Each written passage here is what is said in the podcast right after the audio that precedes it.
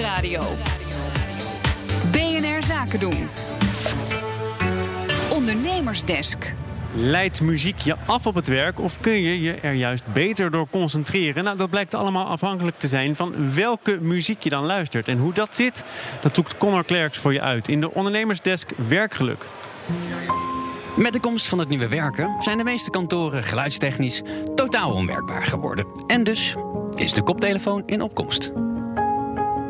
Maar welke muziek moet je nou luisteren om je beter te concentreren? Is dat dit? Of eerder bijvoorbeeld dit? En welke invloed heeft muziek luisteren eigenlijk globaal op je concentratie? Nou, muziek houdt je wakker. Ik bedoel, het is veel moeilijker om in slaap te vallen uh, als je geen muziek op hebt staan, vergeleken met je, als je wel muziek op hebt staan. Dus het is wel een manier om, je, om jezelf wakker te houden. Stefan van der Stichel is hoogleraar cognitieve psychologie aan de Universiteit Utrecht. En vooral als je een lange periode van concentratie tegemoet gaat, kan het voor sommige mensen heel goed werken om zichzelf geconcentreerd een langere tijd aan het werk te houden. Maar de soort muziek die je luistert is dan wel essentieel. Het soort muziek is heel essentieel. En dat zie je ook wel aan die Spotify playlists die, uh, die nu worden, die heel populair zijn en die van die concentratielijsten. Dan zie je ook een bepaald type muziek nu heel erg actueel worden. En die wordt heel erg populair. Um, en dat, die hebben bepaalde eigenschappen. Dat zijn vaak hele lange nummers uh, met ja, weinig tempowisselingen. Uh, en waar vaak niet in gezongen wordt. Dus veel instrumentale nummers, die zijn heel erg populair. En dat is ook wel logisch, want op het moment dat je een nummer hoort waarin gezongen wordt, uh, een taal die je kent, dan gaat je brein het eigenlijk automatisch naar luisteren. En, die, en dat doet een beroep op je aandacht. Het is een automatisme die niet uit te schakelen is. Dus heel vaak ga je dan toch naar de tekst zitten luisteren. En uh, zelfs in het Engels kun je daar al last van hebben. Dus daarom kiezen heel veel mensen ook logischerwijs voor muziek waarin uh, niet in gezongen wordt. En vaak wordt dat dan ook neoclassiek. Daarom is een Niels Fraam of een Ludovic Einaudi in één keer zo groot geworden. En die muziek is heel geschikt. Het zijn lange nummers inderdaad. En het, het brengt je ook in een soort trance.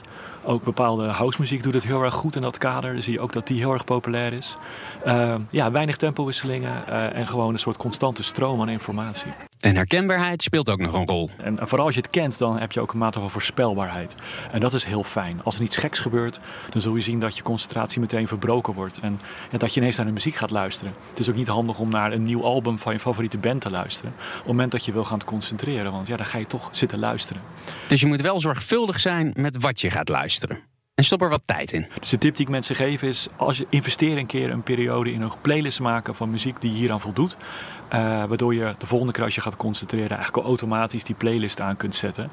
Creëer je ook een soort aandachtsritueel. Het is iets waardoor je eigenlijk uh, ja, automatisch als het ware een periode van concentratie kunt ingaan. En je kan ook denken aan verschillende lijsten voor verschillende stemmingen. Ja, het kan ook heel erg te maken hebben met de staat waarin je zelf bent. Als je een beetje moe bent, dan is denk ik muziek waar je een beetje wakker van wordt en waar een beetje hoge beat in zit heel prettig. Maar ik kan me ook voorstellen als je hoog in je energie gaat beginnen en je wil even een periode juist rustiger werk doen, dat je dan juist rustiger muziek opzet. Dus het is zeker afhankelijk van wat je gaat doen en ook de staat waarin je jezelf bevindt.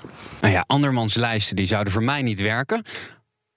Maar überhaupt is het uh, niet zo dat dit nou de oplossing voor iedere werknemer is.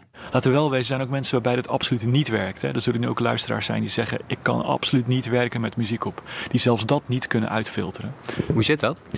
Ja, er zitten heel veel individuele verschillen in. Sommige mensen zijn heel goed eigenlijk om dat soort informatie die toch binnenkomt via je oren te negeren. Uh, voor hun gaat het eigenlijk vanzelf. En andere mensen hoeven maar het minste of geringste te gebeuren en ze kunnen het niet negeren. Voor hun is een doodstille ruimte eigenlijk de enige manier om zich te kunnen concentreren. Er zitten gewoon heel veel verschillen in. Sommige mensen kunnen daar heel goed mee omgaan, andere mensen gewoon een stuk minder.